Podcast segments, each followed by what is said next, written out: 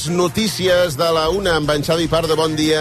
Bon dia. I Albert Bassas, bon dia. Bon dia. Dispara, Xavi, que no tinc aquí el titular d'entrada avui. Sí, meva culpa que Ah. no te l'he posat. Bueno, si Ah, vols... ens han hackejat. Tu pots dir que, que t'han hackejat, perquè ara s'ha portat Espera, molt de moda. Jean Paul, Sí, d'això parlem, d'això parlem. Treballa una mica, te'l dictarà el, eh, Sí. el Xavi i tu l'apuntes. Ah, m'has de I me'l passes que jo el llegiré. Justament avui era llarguet. Però És va, llarg? No, no, va, va. Va. Apuntes, Jean-Paul? Sí, endavant. Els autors del ciberatac. Eh? Els autors del... És que t'ho he de dir més fluixet, que si no després no té gràcia. Els autors del ciberatac Del ciberatac. a l'Hospital Clínic de Barcelona El públic que heu vingut podeu xerrar entre vosaltres. Ara, de moment, de moment això no està passant. Han- una bossa de patates... Sí, han aconseguit robar informació han va amb bac. Vale. Amb bac. A on? Han aconseguit. A on? Al On? final? No, al Ah, principi. al principi. Han. Aconseguir Sí. robar informació. robar informació. Coma. Com a què? No, coma, coma. Has de posar una coma Ah, aquí. una coma, una coma aquí, com aquí, com a coma. Però encara no se sap Però això és un titular. Sí, eh, és que era completeta val, avui, eh? Però encara no Però si se és la sap notícia sencera que la de quin tipus de dades es tracta, de punt. tant de tipus de dades... eh, Sí, val, correcte. Punt, ja està, és aquest el titular, Val. vale? Ara podem reiniciar, va. Sí, vale, endavant. Els, uh, no m'entenc la lletra. No, és que ja estem, és igual. Dispara tu, Xavi, per Sí, favor. bueno, que... perquè- Això li passava a Rajoy, també, eh? Sí, bueno, és que entre els genis ens passen aquestes Le ha coses. sucedido una cosa verdaderamente notable. Y es que no me entiendo la letra. Exacte. Y es que no sé escribir, hostia. eh, no sé. Vale, bueno, perdona, eh, Xavi, no tornarà a passar. no, ja, ja disparo jo, mea culpa. Els autors del ciberatac a l'Hospital Clínic de Barcelona han aconseguit robar informació coma, però encara no se sap de quin tipus de dades es tracta, punt. L'atac afecta els sistemes que connecten els diferents sis- sistemes de l'hospital, no les bases de dades amb la informació clínica de tots els pacients, però el contingut exacte que s'han endut encara no es pot saber. El cap de l'Agència de Ciberseguretat de Catalunya, Tomàs Roy, explica que gràcies a les còpies de seguretat podran anar recuperant el servei, però ho han de fer a poc a poc per assegurar-se que l'amenaça ha desaparegut.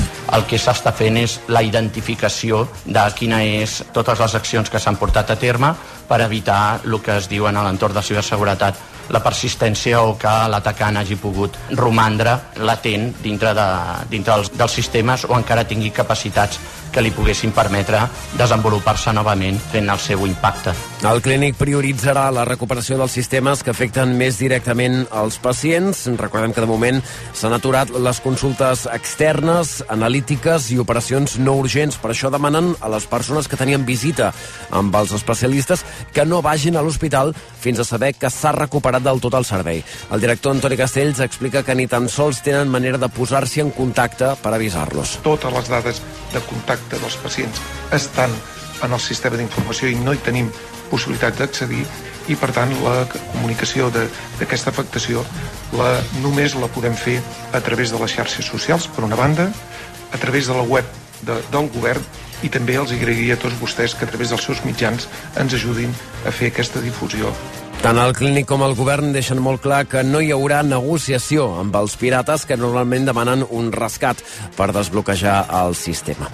Podem continuar pressionant el PSOE perquè faci marxa enrere i no reformi la llei del només és sí. Els socis de govern retreuen als socialistes que demà votin el primer tràmit de la reforma amb el PP i fins i tot potser comptant amb els vots de Vox des de Madrid a Raumanyer. Sí, podem denunciar que el PSOE hagi claudicat i s'hagi aixecat de la taula després de tres mesos de converses entre el Ministeri d'Igualtat i el de Justícia. Denuncien que la proposta socialista posa en perill els drets de les víctimes. La portaveu de Podem, Alejandra Jacinto, creu que és un error. Hay que lamentar, y yo creo que en un día como hoy, en vísperas del, del 8 de marzo y sobre todo de la vergonzosa votación que se puede producir mañana en el Congreso de los Diputados, que esta reacción la hayamos visto también en nuestro socio de gobierno. Creemos que es lamentable que el Partido Socialista haya cedido a las presiones de la derecha y de la extrema derecha y para volver al Código Penal de la manada. La votació de demà al Congrés serà el primer tràmit que, perquè tiri endavant aquesta proposta del PSOE per reformar la llei del només sí és sí. A hores d'ara té el no de Podem i el suport del PP. Vox encara no ha confirmat què farà, però ha avançat que no posarà bastons a les rodes perquè es canvi el text. Més coses, la Fundació Bofill denuncia que l'any passat 97.000 joves d'entre 18 i 24 anys a Catalunya van deixar els estudis prematurament. Segons l'entitat, la xifra s'ha estancat els últims anys i la taxa d'abandonament escolar se situa gairebé al 17% per sobre sobre de la mitjana europea, que és del 9,7. La taxa es multiplica per dos en els joves immigrants o de famílies amb un nivell baix d'estudis respecte de la resta d'estudiants. Segons la cap de projectes de la Fundació Bofill, Helena Cintes, la precarietat s'acarnissa amb aquests col·lectius. Ho ha explicat a RAC1. Pateix pràcticament el doble d'atur que un altre que ha continuat els estudis, té fins a quatre vegades més possibilitats de fer una feina no qualificada i això, quan un és jove, potser pot semblar que no té importància, però al llarg de la vida n'arriba a tenir, perquè difícilment eh, es podrà progressar sense tenir una bona qualificació. Per això l'entitat demana un pla de xoc als propers 4 anys per reduir a la meitat l'abandonament. Demana més eines per identificar l'alumnat vulnerable, més ajuts i beques i més oferta en l'educació postobligatòria. I Marina Abramovic presentarà aquesta setmana al Liceu l'espectacle Seven Deaths of Maria Callas.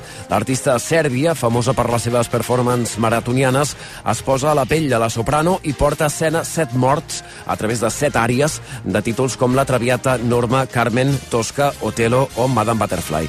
Abramovic ha explicat aquest matí com va començar la seva fascinació per, Marina, per Maria Callas. My fascination with Callas is really start when I was 14 years old. La meva fascinació per Calas va començar quan tenia 14 anys.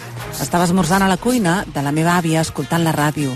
Va començar a sonar Calas i em vaig aixecar i em vaig posar a plorar desconsoladament, sense saber per què, de l'emoció. I des de llavors aquesta admiració no m'ha abandonat mai.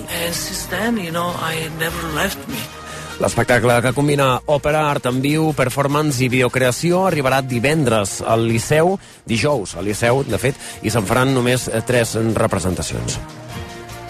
I els esports, Robert Lewandowski i Ousmane Dembélé encaren la recta final de les seves respectives lesions. Tot apunta que el davanter polonès reapareixerà diumenge a Sant Mamés, mentre que Dembélé ho té més complicat, malgrat que el termini de la seva recuperació coincideix amb el duel contra l'Atlètic de Bilbao. En canvi, Pedri està descartat i la idea continua sent que reaparegui pel clàssic contra el Madrid del Camp Nou el diumenge 19 de març. Els blaugranes, per cert, que tanca la jornada amb 9 punts de marge respecte al Madrid a la Lliga, després de l'empat a 0 dels blancs ahir a la nit al camp del Betis. Avui es juga el darrer partit d'aquesta jornada 24 primera amb un Osasuna Celta a les 9. I encara en futbol, però pel que fa a l'extra esportiu, el diari El Mundo publica avui que la Fiscalia presentarà en els propers dies una denúncia davant la justícia per obligar Enríquez Negreira a declarar davant del jutge. La policia ja hauria entregat tota la documentació a la Fiscalia, concretament fa dues setmanes, i ara el Ministeri Públic treballa en el dictamen que farà que l'exàrbitre s'assegui al banc dels acusats. I tot plegat en un matí què celebrem que l'atleta Quique Llopis hagi rebut l'alta mèdica després de passar la nit ingressat per una caiguda que va patir durant la final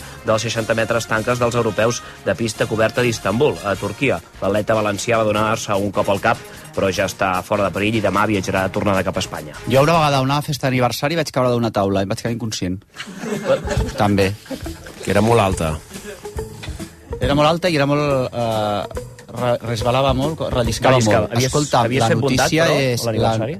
La, la, era el meu aniversari, em vaig, sí, sí, em vaig quedar inconscient, estava allà com el bisbe d'Oleguer. Estava, avui és l'únic dia que es pot veure. El bisbe d'Oleguer, el cos incorrupte del bisbe d'Oleguer. Sort que no és l'únic dia que es pot veure, perquè imagina que, el, que ens l'anessin passejant por ahí. Bueno, escolta'm, tu, eh, l'Hospitalet al Vinzac, eh, què diem? Que ha guanyat o ha perdut? David, què? Eh, a veure, ara, a veure. jo crec que David ha no ens ha fet cap partit. Perdut. Ha perdut, creieu?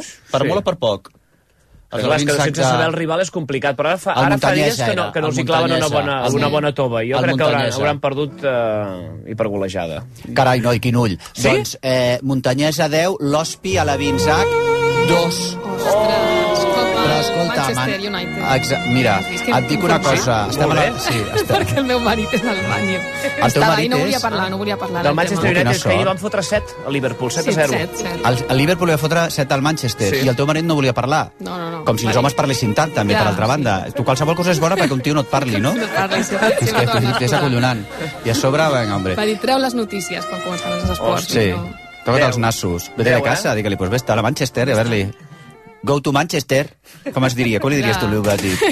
Atontau, vete a Manchester. En anglès com seria? Pobre. Pobre no.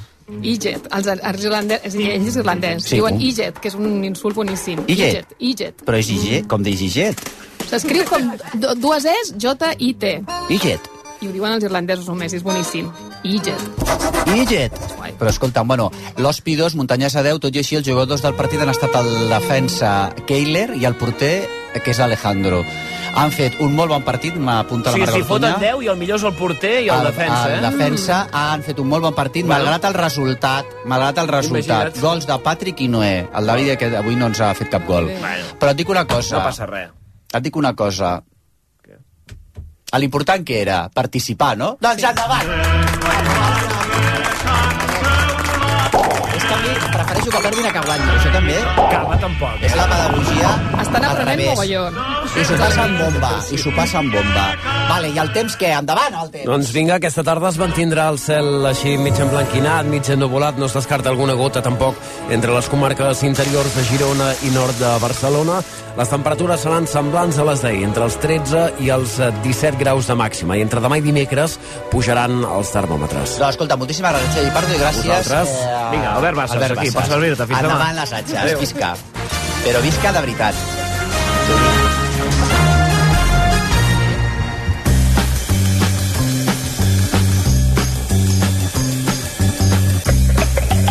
Vostè primer. A RAC1 amb Marc Giró. Home, veiem això del porter dels alevins H, eh, que molt, diu, ara l'Ernest Ferrer per cascos em diu, molt bo del porter que diu l'Albert Bassas, que si n'hi han pagat 10, 10 gols, Bueno, doncs a les que 10 era molt bo el porter, és que potser l'altre haguéssim estat a 25-2.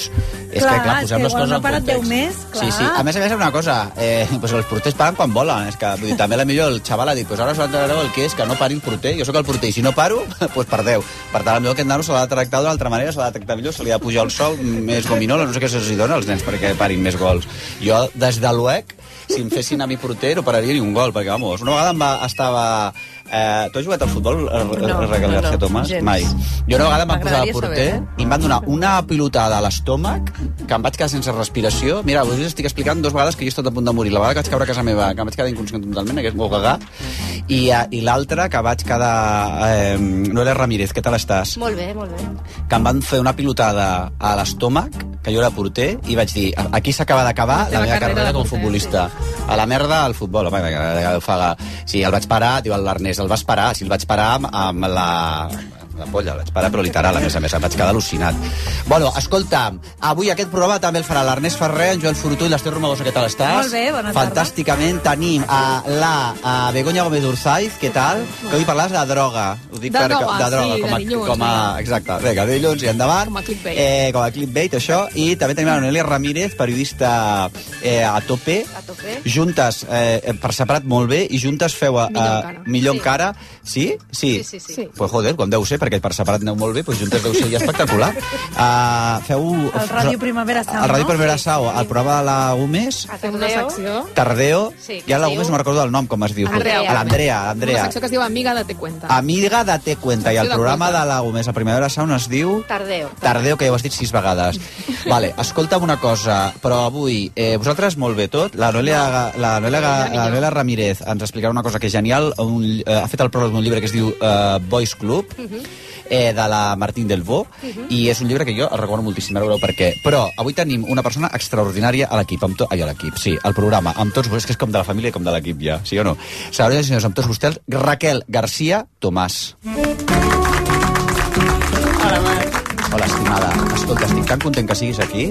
Jo també. Sí, l'any 1974 el Liceu va estrenar l'única òpera eh, eh, musicada, escrita per una dona. 1974, han passat 48 anys, quasi bé 49-50, i la següent òpera que el Liceu eh, mm, Estrena. estrena mm, escrita, Per una ideada dona. per una dona, és La teva, Raquel García Tomàs. Per tant, he fet càlculs i és probable que dintre de 50 anys tinguem la tercera dona que... Eh, o sigui, saps què vull dir? Bueno, però acollonant. si ho- T'hem d'aprofitar bé. De... Bueno, a mi i a totes les companyes compositores que estan en actiu. Sí, sí, sí, sí. Bueno, però que són moltes, però com que no els pensen estrenar la següent... eh, No, però mira, pensa, s'estarà en fent- 175 anys Sí. sóc la segona, però de la, de, des de que s'obre el Liceu fins a la primera van passar, no sé, 125 aproximadament. Vol dir que anem molt bé. Si entre la, la Mm. primera i la segona ja han passat 50, doncs a lo Sí, millor ara dintre de 5 anys doncs teniu una altra òpera. Exacte. una dona. Bueno, doncs mira, per paciència. ser positius, no? Per Sí, no? per ser Per ser positius, per ser positius. bueno, el, di, el dissabte 18 de març s'estrena mundialment al Liceu Alexina B, de Raquel García Tomàs, aquí present, sí o no? Mhm. A mi m'agradaria... Eh, la, la, la llibretista és la Irene Galló, Mhm. ho dic bé, i la direcció escènica de Mart Pazos. Marta. Marta Pazos. Ja m'ha estranyat, he llegit el guió, dic, ui, que original aquesta direcció escènica que es diu Mart Pazos, resulta que és Marta. pues, no saps quina decepció he tingut ara. Perquè pensa, hòstia, l'original Mart Pazos, saps? Jo que soc fan del Carlos Pazo. Tal. Bueno, Tres dones, pues eh? Marta Pazos. Tres dones. Tres dones. Fixa't tu, ja. poden, eh? Pot passar, eh? Pot passar que de sobte... Escolta, tres dones... Bueno, uh, Raquel, uh, em pots explicar... Primer de tot m'agradaria que ens expliqués, si algú no coneix qui ets, que allò que fèiem, saps els dilluns que fèiem la, la redacció de l'escola, Mm. qui ets, on vas, què has fet el cap de setmana? Vinga. Una mica, uh, per, per la gent que no et conegui, Presentació ràpida. presentació ràpida, però bé, que ens... seductorament. Doncs bueno, sóc la Raquel García Tomàs, soc compositora, eh, sóc de Barcelona, vaig néixer el 1984 i bueno, em vaig formar a l'ESMUC i després em vaig fer el superior de composició, després vaig estar visquent a Londres sis anys on em vaig doctorar. El Royal College of Music of, de Londres? Correcte. Uh -huh. I bueno, els darrers anys doncs, he estat treballant en diversos projectes mm, de música de concert, òpera, instal·lacions, projectes interdisciplinaris en general, que és el que més Tu ets m'interessa. compositora de música i podríem dir, a més a més, Premi Nacional de Música 2020, que això t'ho has Mm. Sí, se deixat, eh? Te'n recordes, sí. eh? Premi Sí, Nacional de. Música... que Bueno, sovint, està bé oblidar-te de tant en quant perquè no se't pugin els fons, Els però fums. és cert, no, no, que se't pugin, que se't pugin, tia, sí. perquè, joder, Premi Nacional de Música 2020. Bé, una de les compositores més reconegudes de música clàssica, en diríem, però, perquè de vegades Sí. no, a vegades que, els que sou Clàs- ara clàssica no us agrada que us diguin clàssica, però clar, és la música aquesta que es fa en aquests foros, que són eh, Sí. clàssics, llavors què collons, no? com en dieu de Es la diu música que clàssica feu? contemporània, perquè Mhm. s'ubica el context on treballem és el mateix context que el de les sales de concerts de Clar. música clàssica. Diguem que seria el nostre circuit, el que passa que la música que fem és de nova creació i per tant no sona com sonaria Beethoven o Mahler o Mhm, Puccini. Af afortunadament, quasi, perquè seria... Bueno, Bueno, ca cadascú escrivia la música del seu temps i Clar. també s'ha d'entendre que nosaltres tenim una sensibilitat diferent, uns interessos diferents. Tu podries dir-me, abans parles de compositores, podries dir-me altres compositores de la teva, diguéssim, de la teva, de, de la teva constel·lació, eh, de, del teu... Sí, de la teva, de la meva generació, generació sí. de la teva sintonia. Doncs aquí a Catalunya tindríem... Bueno, ara em deixaré un munt de... Ara em deixaré gent, però estaria la Núria Jiménez Comas, eh, que vam estudiar juntes, després una mica més joves la Montserrat Lladó, la, l'Helena Cànovas, després ja de, de la resta de l'estat estaria la Itziar Viloria, mm. la Núria Núñez, que va guanyar el Premi Reina Sofia l'any passat, la Elga Arias, bueno, n'hi ha, eh? O sigui, ara estic així com fent examen, Déu-n'hi-do, però vull dir que n'hi ha... No coneixia ningú. n'hi ha. Mira que catetos som, Bueno, eh? Ja som catetos en música clàssica contemporània en general, però pues, pues, si En afines... general no se'ns coneix gaire, això és veritat, Mhm, mhm, el nostre gremi, però bueno. Uh, Alexina B, uh, això de què va? Perquè aquí era Alexina B, deduïm que és un personatge... Alexina B Real. eh, és el títol de la nostra obra, de la nostra òpera, i explica la història real d'Herculín Barbén, que també se li, deia, se li bueno, tenia com a pseudònim o bueno, com a nom carinyós Alexina B. Mhm.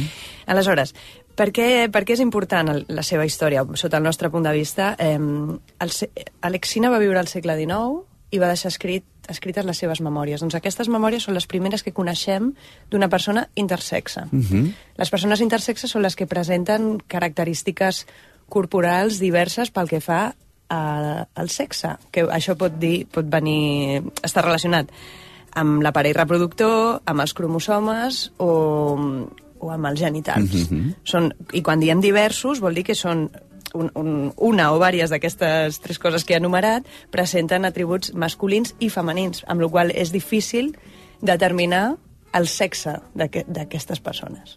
És allò que se n'havia dit malament... Hermafrodita. Un hermafrodita. Era, exacte, és incorrecte, perquè això no es dona No en els és- éssers humans, Mhm.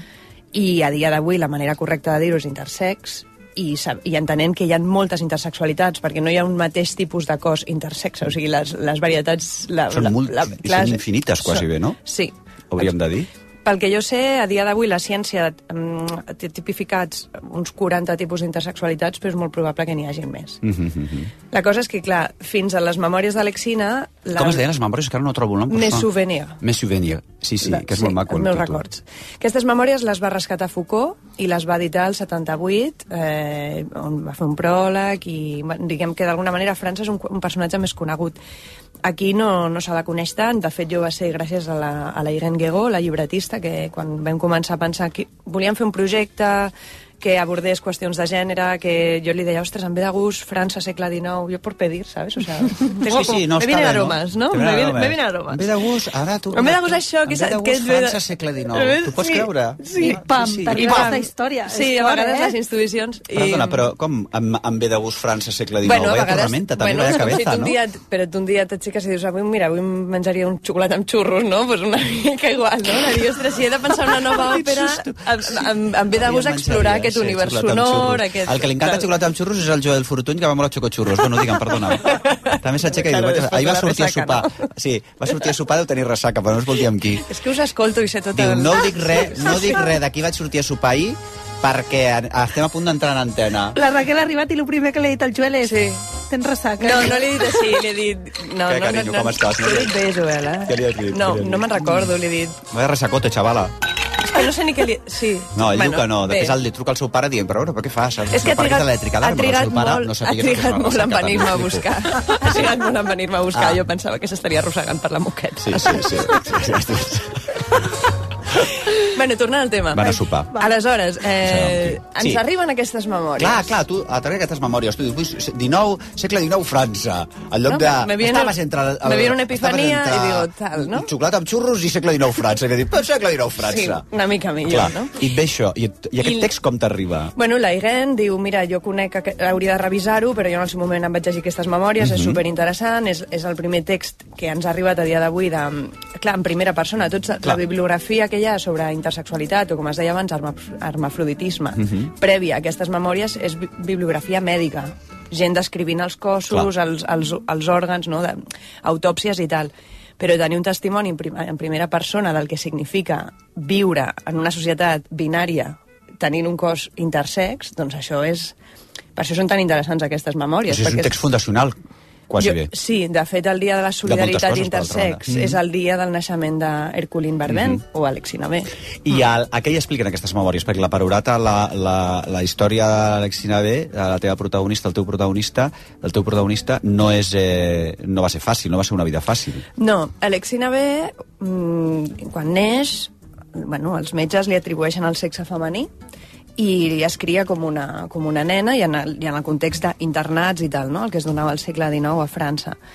I, bueno, sí que a les memòries observa que el, el seu desenvolupament corporal a l'adolescència és diferent a la resta de les nenes, no, Mhm. no té la menstruació, però diguem que això no és, sota el nostre punt de vista no és el detonant de que comenci la, el seu viatge per, per canviar de gènere o de sexe, com es deia llavors.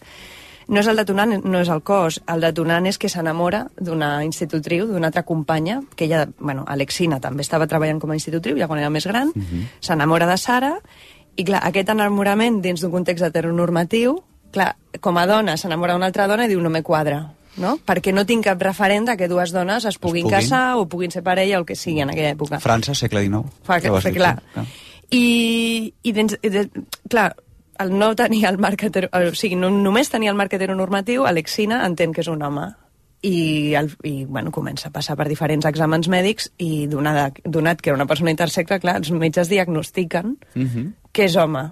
I allà és on... Eh, clar, és, aquest tot, és un viatge que només es pot donar Sí, dins d'un marc eh, social que, que realment era un, un, ho diré en castellà, un callejón sin salida, no? Clar. Si tu com a dona t'enamores d'una altra dona, en aquell moment no tenies cap opció, Cap era opció, renunciar al teu ser- amor. Sí. I o eres Alexina- home o eres... O, o no, Ok. bueno, lo, ella fa tot el... Diu, bueno, jo que clar, tinc la ella té, possibilitat... té la carta de fer-ho, eh, tampoc és molt De totes conscient. maneres, estàs descrivint aquest callejón sin salida... Bueno, callejón sin salida és en llatí de tota la vida, vull dir que... Però el callejón... Cul de sac, cul de sac, sí, ara m'ha vingut, sí, sí. Vera, cul de sac, França segle. XIX. França segle XIX. Sí, també diuen doncs, igual, sí, eh, sí. estàs descrivint un tipus d'aventura que podria donar-se als nostres dies, eh? Perdona. Es podria donar als nostres dies i alhora també és molt operística, perquè és una història d'amor prohibit que, sento dir-ho, no acaba bé, perquè Alexina, quan, quan aconsegueix eh, fer un canvi de nom en el registre civil i esdevé Abel, això tampoc li dona la felicitat. I en el sentit de que, el, o sigui, que Alexina no es sentís dona per, a, a causa de la seva història Mhm. d'amor, no volia dir que se sentís home. Clar, o sigui, el que clar. és molt interessant de les seves memòries, el, quan les escriu, és que ella està parlant del no binarisme, sense Sí, sí, saber-ho. clar. està dient, jo és que no pertanyo a cap de les dues esferes, no hi ha un lloc en el món per mi, perquè un altre sentiment que descriu molt bé i que nosaltres hem intentat plasmar a l'òpera és aquest sentiment de soledat profunda que a dia d'avui les persones intersex també en parlen, no? de dir hem de guardar secret, Mhm. no, a priori no coneixem altres persones que hagin passat pel mateix que nosaltres i per tant ens sentim Si soles. no hi ha visibilitat, no hi ha presència pública no hi ha presència pública. I parlem d'un I, a més a d'un més- 1,7 de la població. Clar. Bueno, i a més a més, que seria ex- exemplificador, seria clarificador i a més a més destensador si la intersexualitat, eh, que jo crec que ara gràcies a la teva òpera se'n parlarà més. Un granet és, de sorra, És un granet de almenys. Bueno, però clar, des del Liceu està molt... Vull dir que Sí, això sí. és, una, és, un, és un faro potent. Mm. Vull dir que la intersexualitat, si estigués a les nostres converses, moltes altres coses Canviaria.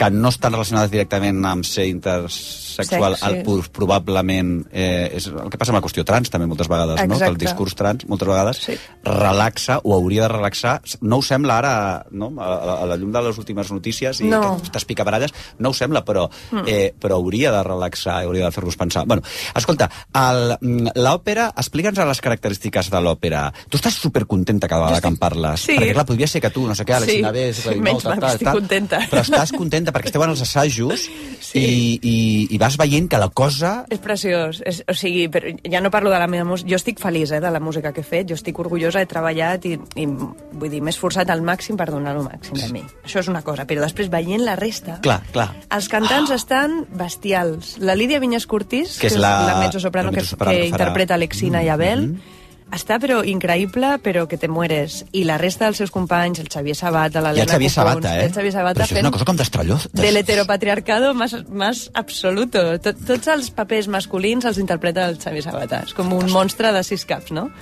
No monstre, perquè de fet hi ha personatges bons. I a la vida d'Alexina van haver-hi personatges homes que la van ajudar Mhm. perquè fes tot el seu viatge. Després tenim l'Helena Copons, que està magnífica fent de mare, de Madame P, que és la, la jefa de l'internat, i mm, la mare Esteve, que fa d'Alexina jove, i tenim les nenes del cor Vivaldi, que és un cor de nenes absolutament fabulós, que canten superbé, ara també actuen perquè, clar, la Marta Pazos, com a directora escènica, mm, vull dir, fa una direcció d'escena que no... Vols dir la Mart Pazos? La Mart Pazos eh, fa una direcció d'escena que no és la típica que veiem en òpera, que sol ser molt estàtica. La, la Marta juga amb, amb moviment escènic, amb color, amb, amb formes... La qüestió del color és molt important, no? Per Em ella és molt, molt, molt important, molt important. I clar, tothom actua, fins i tot les nenes, no? Hem estat treballant escenes des del teatre i es, posa els pèls de punta, realment. I a més a més he llegit jo que hi ha una part també electrònica, pot ser? Sí, Ah, que guai, mira, perfecte. Sí, una una mica de modernó. contemporània.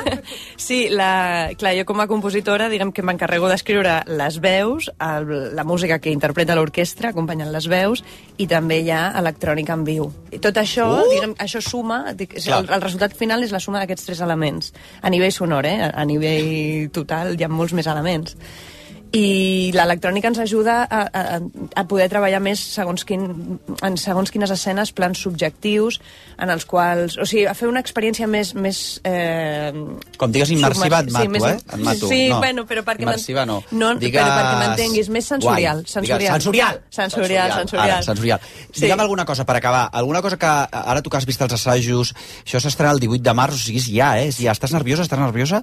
Estic feliç. estàs feliç, És que he estat dos anys, dos anys creant Clar. Això. O sigui, l'únic que Mare si em mereixo estar feliç i disfrutar. Sí, sí. No, però podria ser que, ara imagina't que a- estiguessis dos anys, eh, dale que te pego, Clar. en Alexina ve aquesta, No, però i... no, estic merda, tenint molt... Aquesta t'ho fessin malament. estic tenint molta sort perquè tothom està treballant a favor. Eh, Després també el director d'orquestra, l'Ernest Martínez Izquierdo, tothom, o sigui, l'enginyer, el, que és Ángel de la Guarda, el Sixto Cámara, tothom a favor, a favor. Bon rotllo. Eh... Digue'm, això quan... A, a, a, a, a, a, digue'ns alguna cosa. Clar, és que ara tenim neguit, perquè això s'estrena el 18 de març. Aviam, queden tothom- entrades poques, però queden anèmic. El 18 no, no ni, queden ni gaire plens. No, no queden gaire no entrades. No però... Eh, És que, a veure, ni Plensa ni Abramovic, Però Liceu, fareu- ara. però fareu- Raquel García Tomàs, a veure si us fiqueu al Ja passadilla, la Plensa no? i a l'Abramovic, per favor. Hosti, jo. Si hem Eh, trigat 50 endavant, anys a que Mer. s'estreni la segona obra d'una autora dona, suposo que hi ha més d'una Hi ha més d'una. O sigui, el dia 18, que és l'estrena, està bastant ple, gairebé sold out. Després hi ha una segona funció que és per menors de 35, que també està Ah, sold nosaltres, out. nosaltres, Que és el dia 20 de març. Ara, ara. Ha el dia 20 de març. Sí, I després queden dues, que són on més encara es pot comprar entrades, que és el 21 i el 22 de març. Val, o sigui que hem d'anar ràpid. dimarts i dimecres a les 7 de la tarda. Per acabar, a veure, és molt bona hora, eh? Les 7 de la tarda, perquè després pots anar a Claro, sopar, arribes dona- a casa bé, no sé què, pots, anar, pots a casa, els gossos no pateixen, l'altre et pots fer-te... I deixa que digui una cosa, Digues, que favor. encara que haguem parlat d'una temàtica que a vegades no... Pot ser que ni la coneixem i no, no ens interpel·li, és una història que tothom pot gaudir-la. És una història d'amor que el- prohibit, de passió, de... Home, amor prohibit, passió. Todo, lo tiene todo. Acaba malament, en xifla, òpera, òpera, en Però també pur. té moments molt bonics Mhm. i, i creiem que hi haurà moments molt I, de- emocionants. I perdona, eh, però, i perdona, tu, perdona, perdona que et digui una cosa, perdona que et digui una altra cosa. Perdona. El, uh, però jo crec que sí que ens interpel·la la intersexualitat. La I qüestió, tant que sí, no, però ens interpel·la, és- sí, sí, però que la gent a vegades que creu diu, que ah, no. això no va, no va conmigo. No, no, va contigo. Perseguim el... Amiga, date cuenta, no? Exacte. I una cosa, per acabar, digue'm alguna imatge que no tingui a veure amb l'òpera, amb la teva òpera, amb això que veurem al Liceu aquests dies, del 18 de març al 21-22 de març, que no tingui a veure, eh, però que ens hi remeti, que tu et recordi una imatge que diguis, doncs mira, un artista, un quadre, una llum, un dia passaves... Pues no sé dir-te. No sé, O sigui, és m'has pillat total, eh? completament... És que crec que la suma dels elements dona un resultat completament nou. I ho han dit les cantants, eh? No ho dic jo. O sigui que... Ah, bueno, això també és molt bona cosa, si els cantants sí, estan diuen, al·lucinats això no ho hem vist mai. perquè vaya cantants, o sigui, que no ho hem un vist. recorregut. So, sí, sí, gent Això és molt una cosa bona. que no- no ho hem vist mai, això. Diu, el que està passant aquí no ho hem vist mai. Uau. Carai, noia. Bueno, escolta, per resumir, Raquel García Tomàs, compositora, eh, Premi Nacional de Música 2020, eh, una òpera que es diu Alexina B, al Liceu, s'estrena el 18 de març, aneu-hi. Eh, ja només per la, veure el que Sala fa... la- gran, eh, per la sala cert, que gran, ja- exacte, sí, sí. exacte. Raquel García Tomàs, només tot el que fa la Raquel García Tomàs s'hauria s'hauria de seguir, però és que, a més a més, hi ha eh, la, aquesta, la Lídia Vinyas Curtis, que és una que sentit cantar, per favor, i després tot el que faci també l'amic eh, Xavier Sabata, pues, perdona, Està estupendo, el Sabata. perquè Estupendo. Aquest no falla, no, No falla. falla mai. Un aplaudit perquè Gràcies. no parin d'aplaudir, senyors i senyors, amb tots vostès, la periodista Noelia Ramírez. Noelia, què tal Hola. estàs? Molt bé. Fantàstic. A veure, què tuiteges tu ara, amiga? A vosaltres he fet una foto Ah, i he una posat. Legends Only. Legends Only. Legends Only. Què vol dir? Legends La Only? Què? Que és la pera, no? Solo leyenda. Ah, Solo perquè- García Tomás, Sol- Noelia Ramírez, Ah. Esther Romagosa, Margiró. Legends Only. Legends Only. No li agrada, gent, perdona, Aquí. que no t'agrada, que, que tu, però jo la ja gent que saps. mira els d'allò... Jo un dia al meu majordom li he dit... Eh, estàs al restaurant i treuen el mòbil. A mi un dia em, veureu el cabalabosso, perquè m'hauran d'agafar per violència de mòbil, tecnològica, perquè agafaré el mòbil i els hi tiraré a la cara a algú. Això va passar, no, Elia? Sí? Uh, no saps? Em posa... Mira l'altre. Com Bad Bunny, tu no has vist el vídeo famós Ah, de Bad sí, ho ha Bunny? fet, el que l'estan gravant, hi ha una fan que es vol fer una foto amb ell No, i, això i no, el tio no, va tant, tant i agafa el mòbil i el tira al mar. Pam. Sí, i l'altre Ah. dia I la Chris. Brown també a una altra Ah, sí? noia. És que posen a llançar guitós, el eh? mòbil. no, a mi quan... El... No, però si estaves aquí de Legends Only, fenomenal. Legends Only, escolta, estic, Escolta. estic remant a favor del programa. Pitjor seria que tinguessis aquí un colom missatger i l'estiguessis llançant per la finestra, saps? Aixecar-se, colom missatger... També entenc que és més pràctic. Bueno, a veure, Noelia Ramírez, tu podries venir per moltíssimes coses, estàs a Tardeo, amb eh, Amiga Date Cuenta, no? Sí. Amb la Begoña Comiturzai, però no has vingut per això, no és, no és, Avui no, és, ai, tengo una amiga, Date què Cuenta, tal? que és una miqueta amiga Date Cuenta, també, eh? El llibre, tema. Amiga Date Cuenta, el llibre. Amiga Date Cuenta, sí, bueno, sí. Eh, Los Boy Club, Club, sí. Los Boys Club, Sí, com de. Martín del Bo, Sí. és un llibre que edita Península, un altre ens va Sí. arribar i vaig dir, uh, però si el però que és de Noelia Ramírez, doncs sí. has de venir. El subtítol del llibre és ¿Por qué los hombres siguen dominando el mundo? Home! Per què creieu? A veure, a veure, primer, Sí. la Martín del Bo qui és? Eh, Eh, doncs situar? és una, sí, és una escriptora i una assagista del Quebec eh, que ha escrit diversos llibres ja i que ha tractat molt temes de feminisme. Va escriure un llibre, em sembla, sobre Telma i Luis, també, perquè Sí. estava molt fascinada amb elles. I això parteix una aquell mica... altre, El mundo es tuyo, una carta a Sí, la seva filla, una exacte, mare feminista també. que li escriu a la seva... que Com, com Sí. ser una mare feminista, la filla feminista... Exactament, sí, que- aquest tot just va ser el que es va editar abans. Mhm. Sí, i aquest és el darrer llibre i és un assaig on ella parteix també de textos periodístics que va fer, pel que està eh, totalment eh, bueno, violentada per homes i té amenaces de violació. I Ah, de, aquest llibre, eh? Aquest llibre aquest ha comportat- Sí, perquè ella el que ha fet és parlar de com el món està fet pels homes i com el món es, es regeix, diguéssim, pels boys club, que no són només els clubs d'homes, no? Clar, de que cavallers, pensem de cavallers clar. de tota la vida, o sigui, ja estan per totes parts. Tot i que en parla, o sigui, l'inici de... Sí. Jo el que vull dir d'aquest llibre, no sé si tu estàs d'acord, és que a banda és un assaig, Mhm. però és un assaig que passa molt ràpid, que és molt amè. Sí, O sigui, sí, sí. tu te l'has llegit, Begoña, també? Sí, sí, temps... sí. I què? Ah, doncs mira, també pots com- comentar, eh? Sí, sí. Pots tardear. Sí, puc tardear. Però el, el, que és molt amè, que passa molt... Sí, la tia va donant molts exemples que de Sí. cine, de la política... Sí, de... sí, Sí, sí, de sèries, o sigui que té molta cultura pop també, pa, Sí. que, que fa com molt àgil i que puguis tenir referents de coses que has vist a la tele o que has llegit als diaris, no? Mhm. O sigui, Tu el teu problema que expliques és que quan vas llegir el llibre, Sí. ràpidament, el que explicava l'autora... Sí. Eh, mm, que estàvem sintonitzades. Estaves sintonitzades completament, no? Totalment, que és aquella sí. sensació tan agradable quan llegeixes Sí. alguna cosa que dius, ostres, jo Sí. estic en aquest punt. És que, de fet, va ser perquè l'editor del llibre, que és l'Oriol Alcorta, de Península, em va trucar un dia que vaig escriure una columna al País, perquè vaig fer una columna pel tema dels Elías Aguja, aquests dels nois aquests que van Putes Torres i Salís i totes aquelles coses Sí, de la madriguera, sí. hoy vais Mm, a follar como conejas, tal. Mhm, mhm. I vaig fer una columna parlant del, dels bons, del concepte dels bons tios del patriarcat, no? I em va dir, ostres, el que parles aquí és l'assaig que tinc. I vaig dir, pues vinga, passa-me-lo. I, i m'ho va passar i m'agrada molt perquè és, bueno, és- veure això a altres autores, perquè no només parla ella i de sèries i de tot això, hi ha moltes pensadores i pensadors, i no és un assaig en contra dels homes, que és molt important, jo crec, dir això, sinó que és un assaig, no és misàndria, no?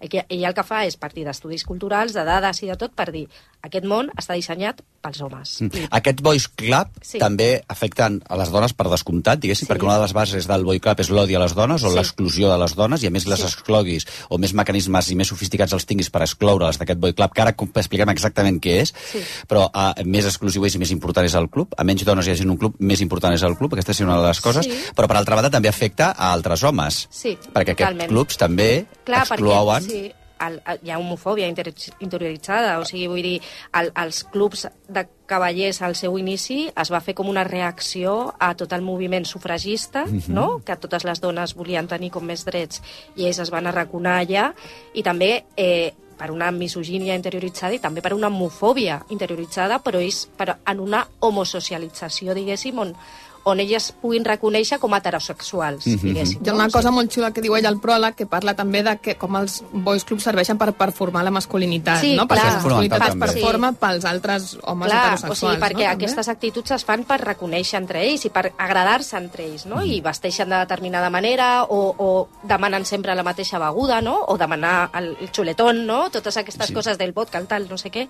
Bueno, s'entrenen per ser homes i es reconeixen per ser homes. Sí. De totes maneres, un, una gangbang, una violació, una, una partida de caça podria arribar a ser també Clar. una forma d'entrenar la masculinitat Sí, i que entre ells totalment. es reconeixen. Sí, és el que explica ell al llibre i, i de fet parla, no? és Com moltes víctimes de violació i de violació en grup, quan parlen és que els homes no estan experimentant plaer. O sigui, la víctima s'adona de que no està experimentant plaer amb ella, Mhm. sinó mira lo que hago, no? I tal, i ara tu, i ara jo, com, com es parlen entre ells i com en, hi ha aquests mica- codis Sí.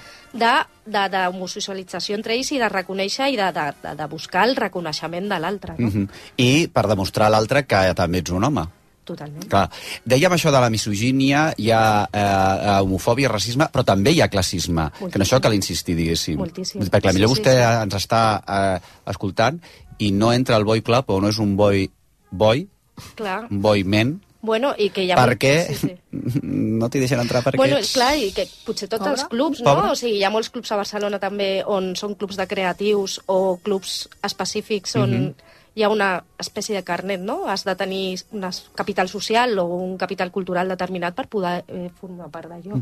I després hi ha clubs que eh, ella eh, parla, ha, ha trucat, eh, perquè di- dius, ara anirem, sí. perquè eh, la, la, la, no, acaba de, no deixa de ser una metàfora del Boy, Boy Club i el Sí. Club de Cavallers, però ella sí que parteix de la base de la història del que és, que és molt interessant també per altra banda, Mm, sí, quina sí, és la sí. història dels clubs anglesos. Sí. Jo, a aquesta línia també, és una altra línia molt diferent, eh? Mhm. però també des del punt de vista de la història del Club de Anglès recomano a Ignacio Peiró, que també és un Ah, tema sí, que tracta... sí, que fer el- eh, el- ell està fascinat eh, pel Sí, sí, Club sí. de Cavallers, però no, és la, ma- No és el no seria el nostre... el no nostre. seria la línia de, de... No fa una deconstrucció. Però, bueno, no fa, exacte. Però eh, s'introdueix- també Sí. posa el focus en això. Ella sí que s'introdueix o truca a molts d'aquests clubs de cavallers que encara hi ha, tant a França com a Sí. Anglaterra, sobretot. Aquí a Sí. Espanya també... La història del, havent. del de França, del de París, és, sí. és fascinant, no? Perquè és la història... És que jo no sé dir el nom en francès perquè no sé parlar francès, però és un club parisí que portava molt de temps, que les dones les va acceptar al- als Mm. 40 i després als 80 un altre cop, però el que era el president, o sigui, ai, ai, deien que era com la França que sempre estava present, però que no la, la que es vota al poder, sinó l'altra, no? I llavors el president d'aquest club, que quedaven un cop al mes per sopars i eren jutges, eh, economistes, Diputats, polítics, di- diputats i tal, Gent dins el govern, gent de l'oposició... el que era el president eh, eh, la seva filla va escriure un llibre que també està a Península, que es Sí, diu La gran boníssim, família, no? que es diu Camille sí. Kushner, Camille em sembla. Kushner, sí. I ella denuncia com aquest home, que era el president d'aquest club, Mhm. eh, abusava del seu germà... Víctor, a la llibre el Sí, na- na- li sí. diu Víctor. Sí, i llavors es va, a, a. França es va muntar la de Déu amb això i ell va, haver, ah, bueno, es va, va dimitir i es van començar a parlar no, de totes aquestes històries que passen en aquests Però que tota aquesta gent va espais, no? recolzar el, el, el Ah, sí, presumpte sí, sí. agressor, Sí, sí, sí, evidentment. tothom, totalment. Clar, perquè és, és la qüestió dels una boys club. poderosa El de que dir fan- qui queda desagraït. Ella, Sí. sí. La Camil Cusent explica això al llibre, no? Com tothom se, se li va girar en contra. Filla Mhm. desagraïda, mala filla, mira el que li fa, això, això Clar, és per per- la casa, tampoc no cal... De fet, la, seva, la pròpia mare em va fer costat al marit, a l'agressor. A l'agressor, el violador. Sí, sí. El, uh, això que parlaves mm, sobre el poder que es reuneix de Sí. forma opaca en aquests Sí. Boys Club, posa en perill, hi ha algun autor que també apareix en el llibre, o que cita l'autora, posa en perill la democràcia. És a dir, Clar, que sí, moltes sí. decisions és probable que es prenguin eh, Es prenen allà, sí. Bueno, de forma opaca, clar. diguéssim, fora, din, dintre de les muralles Clar, que d'aquests no, clubs. no segueixen, diguéssim, eh, la, la, la, la llei, no? O, o aquesta manera de, de rendir compte, no?, davant d'algú.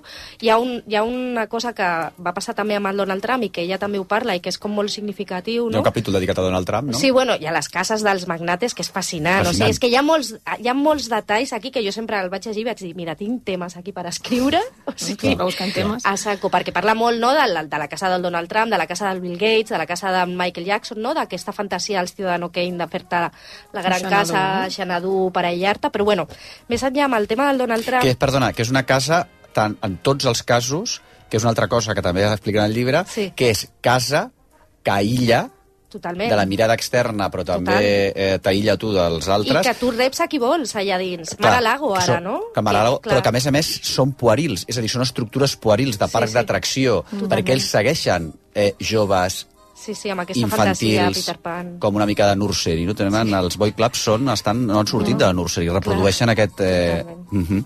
Sí. Perdona, que t'he tallat. No, que i per mi hi ha una anècdota que sempre em sembla com molt significativa, que és que quan el Donald Trump, eh, tot just abans de sortir de les eleccions, li van agafar l'àudio aquest que deia eh, las tías se dejan hacer Mhm. todo, las agarras por el coño, no? Eh, grab them by the pussy, era, no? El que Mhm. va dir. Ell va dir que tot això era una... Era un, xarra locker room talk, no? que és com el que parlem als vestuaris Sí, sí, d'homes, no? I llavors, eh, sí, i, i és com dir, clar, hi ha un espai on els homes poden dir excluir a la resta, fomentar aquest tipus, validar les agressions sexuals, validar aquest poder, i significa molt bé, no? I la gent inclús ho normalitza. No, això és xerra, xerrada de vestuari, no passa Mhm. res, però sí que és important, no? I aquests espais són això, o sigui, són llocs on ells, fora de la llei, fora de la llei poden fer totes aquestes coses. Fora de la llei de la mirada pública i de l'escrutini Sí, públic. sí, oi? sí. Ah, després ja acabem amb això, uh, com es relacionen els homes en aquests espais. Eh, parleu del riure, del ha, ha, ha, machote, oh! I eh, és veritat que tu poses quatre homes junts i riuen amb veu alta... Quan es filtren àudios de totes aquestes Mm. operacions, de la, la vergonya que passa sentint-los, no? Perquè jo també és el que es romptol quan es filtren aquells àudios. Ara que s'han tornat a sentir, per Sí, exemple, sí, els, de, sí. els de València, no? Els Sí. de Amiguito del Alma i tal, però n'hem sentit molts, no?, en els últims 15 anys, i, i, i ho passes malament Sí, perquè és molt, és molt barruer. Sí, és sí, cringe, sí, sí, o sigui, sí. és cringe en estado puro. Sí, és.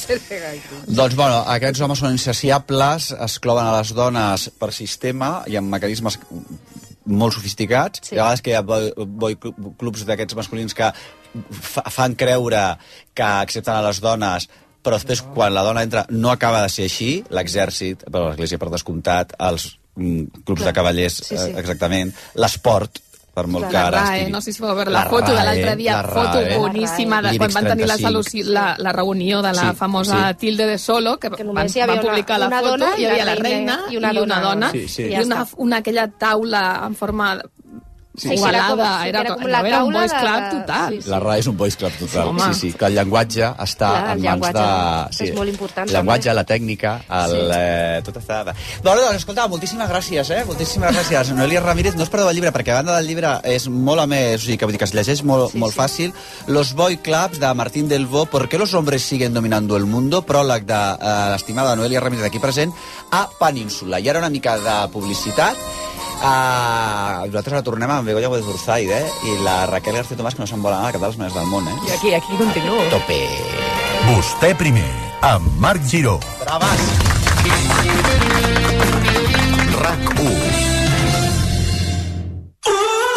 Fa tants anys que es fan campanyes de reciclatge que tothom ja sap que els plàstics i els metalls van al contenidor groc. Aquesta campanya és només per recordar que tan important com saber això és saber que cal dipositar-los dins del contenidor groc. Cuidar el nostre planeta comença per cuidar la nostra ciutat. Cuidem Barcelona. Ajuntament de Barcelona. Al juliol, gaudeix d'un autèntic activity camp anglès a la Casa de Colònies de Mas Llop de Caldes de Malavella. Immersió total en llengua anglesa i classes amb professorat nadiu del Col·legi Sant George School. En un entorn immillorable, en plena natura i múltiples activitats esportives. Jornada de portes obertes, dissabte 11 de març. Per a més informació, masllop.es. Pere Arquilloé i Carles Martínez protagonitzen L'adversari al Teatre Romea. Julio Manrique porta a escena la novel·la de Manuel Carrer, la història real de l'assassí que va construir la seva vida en base a la mentida. Quan va comprendre que estava a punt de ser descobert, es va estimar més matar els seus abans que enfrontar-se a les seves mirades. L'adversari, a partir de l'1 de març al Teatre Romea. Compra les teves entrades a teatreromea.cat i a promentrada.com. Et preocupa la teva salut capilar? A l'Institut Clínic Capilar Tricolàser tenim la solució per a tu. Som experts en tot tipus de tractaments capilars, incloent-hi la medicina regenerativa. Demana el teu diagnòstic sense cap compromís trucant al 93 467 2500. La primera visita és gratuïta. Som al carrer Roger de Llúria 86 de Barcelona. Sheku Kane Mason al Palau de la Música. El famós violoncel·lista presenta un recital únic a Barcelona. Viu una experiència inoblidable amb aquesta jove estrella de la música admirada pel públic i la crítica. Només el 9 de març. Entrades a la venda a palaumusica.cat. Cotxe. Cop. Tot arreglat. És molt senzill assegurar-se amb el Betia. Simple, clar, el Betia. Abel Folk, Llum Barrera, Roger Coma i Laura Porta protagonitzen Una teràpia integral de Cristina Clemente i Marc Angelet al Teatre Goya. Una comèdia plena de sàtira que traça un afilat retrat de la societat actual i els seus gurus de l'autoajuda. Aquest cop no t'ho pots perdre. Una teràpia integral. A partir del 15 de març al Teatre Goya. Compra les teves entrades a teatregoya.cat i a promentrada.com. Per desconnectar, pots provar amb un retir de ioga a la muntanya o apropar-te al mar per gaudir d'un bon arròs. Tres restaurants per assaborir el Mediterrani des de primera línia. Cala Nuri, Xiroi i Salmar. Troba'ns a la Barceloneta i al web familianuri.com. Família Nuri, restauradors des de 1962. A veure, les persones que estiguin al càrrec d'alguna criatura perquè tinguin la patria potestat, o bueno, jo què sé, eh, si voleu que passi un estiu inolvidable entre ràdio i natura, fixa't tu que bé, ja són aquí les colònies de ràdio de RAC1. Entreu a colòniarac1.cat, perquè ara això a les colònies, a veure on col·loques les criatures aquestes que tens tu, la patria potestat, colòniarac1.cat i feu la reserva d'inscripció. Les organitzen el Club Elements i radiofònics amb la col·laboració de RAC1 del 25 de juny al 1 de juliol. Natura i ràdio. Què més vols? A mi se m'ha acut alguna altra cosa per les criatures. Natura, ràdio alguna altra cosa. Eh, jo què sé, bicicletes, bueno, això és natura, no? Ponis, Sí. ponis, no? Sí. Uns bons ponis. Natura, ràdio i equitació hauria de ser. Però bueno, mira, ja ho trobarem, ja ho trobarem. Jo, jo m'encarrego dels ponis. Endavant, senyors i senyors, amb tots vostès, Begoña Gómez Urzaiz. Que anem a tota llet.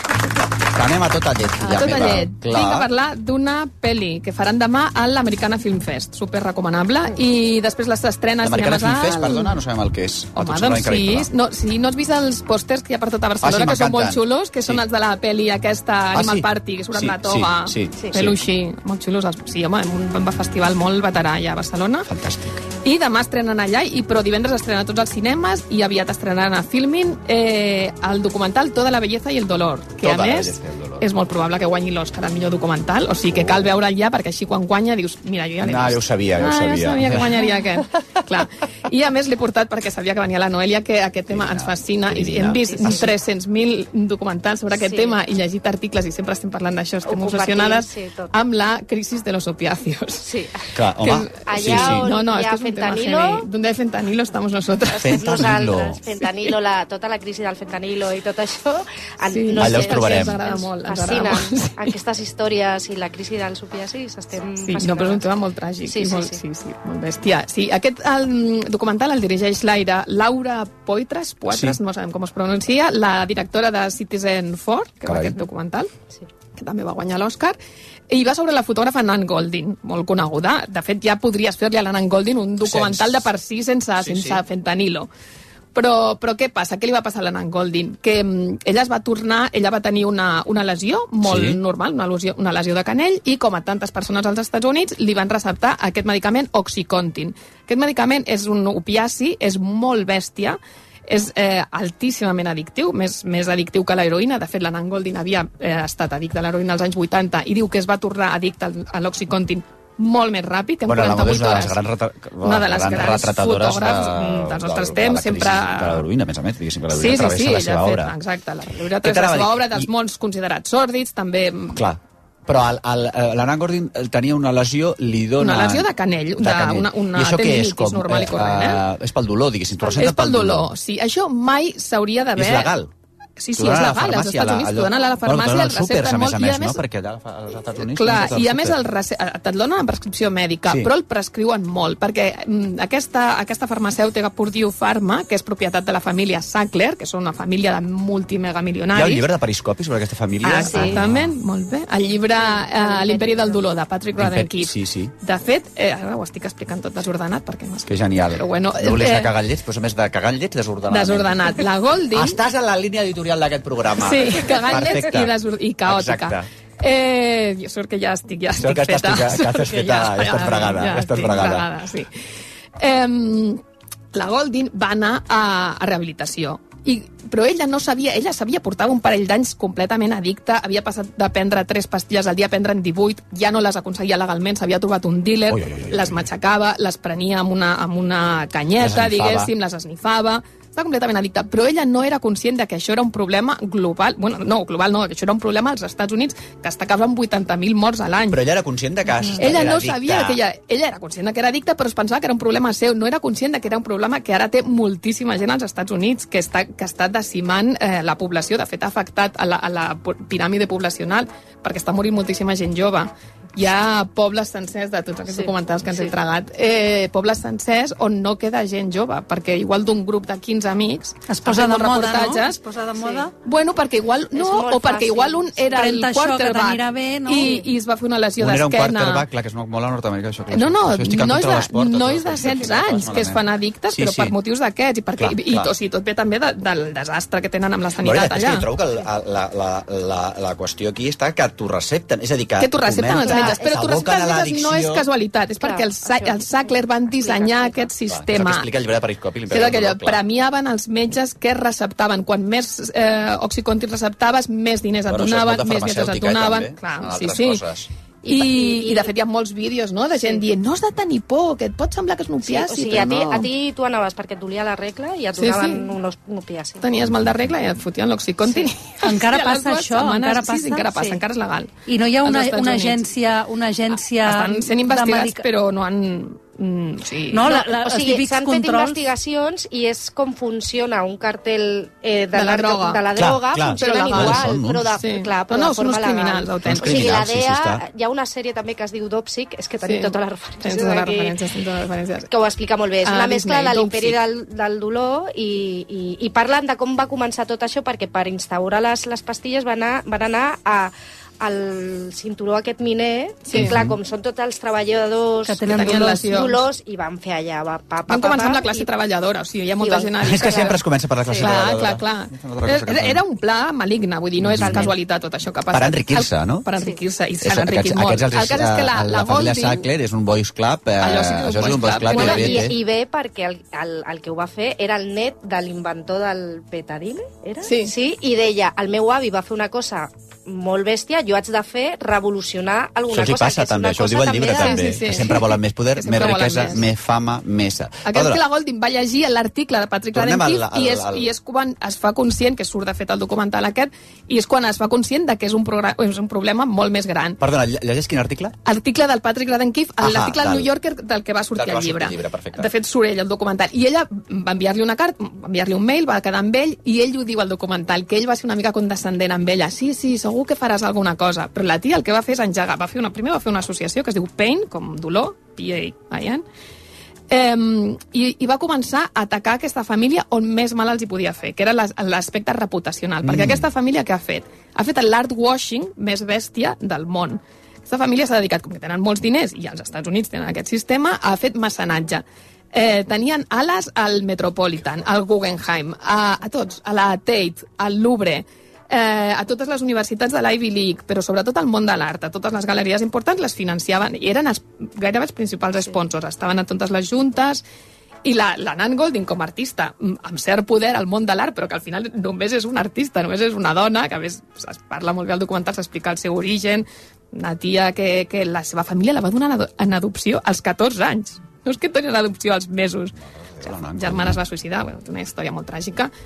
Eh, però ella va dir, no, no, jo ara m'enfrontaré a aquesta família, a més ho faré, faré art amb això. Ella va fer una sèrie de performances als, als, eh, als, muse als mateixos museus que aquesta gent està finançant, amb, amb, amb un equip molt petit de gent que van allà i munten les històries amb uns tubs de pastilles tal, i ho ha aconseguit, el fort és que ho ha aconseguit. Ara la major part d'aquests museus ja no agafen diners del sacle, els hi han tret les ales i els han convertit una mica en pàries en el món de l'art. Eh, no, encara no han pagat judicialment tot el que han de pagar tota aquesta gent mai se sap què acabarà Està passant retirat aquest medicament, ara? no, no, no, és legal És legal. Segueix legal i segueix produint aquesta, fa- aquesta i de fet cada any, farmacèutica, la, cada any produeix més morts sí. l'Oxycontin sí, Hi ha sí, més des de morts. 2016 no? Sí, hi ha més morts per, per, per sobredosi d'això que d'accidents de tràfic i assassinats. junts Als Estats Als Units. Estats Units. No, no, és molt bèstia. Atenció. Uh, I una altra cosa, bueno, això de que sí, als Estats Units, però mm, aquí no passa? O com? No, Aquí- de moment que aquí sapiguem. no No, està- però, no però és van, legal a l'altre dia Europa, va no? treure el periòdico que ja fentanilo ha molt per Barcelona. Però és un, Comença. con- sí, és un consum una mica residual en aer aeronòmens i tot això. Però és una cosa que et poden sí receptar que- o no?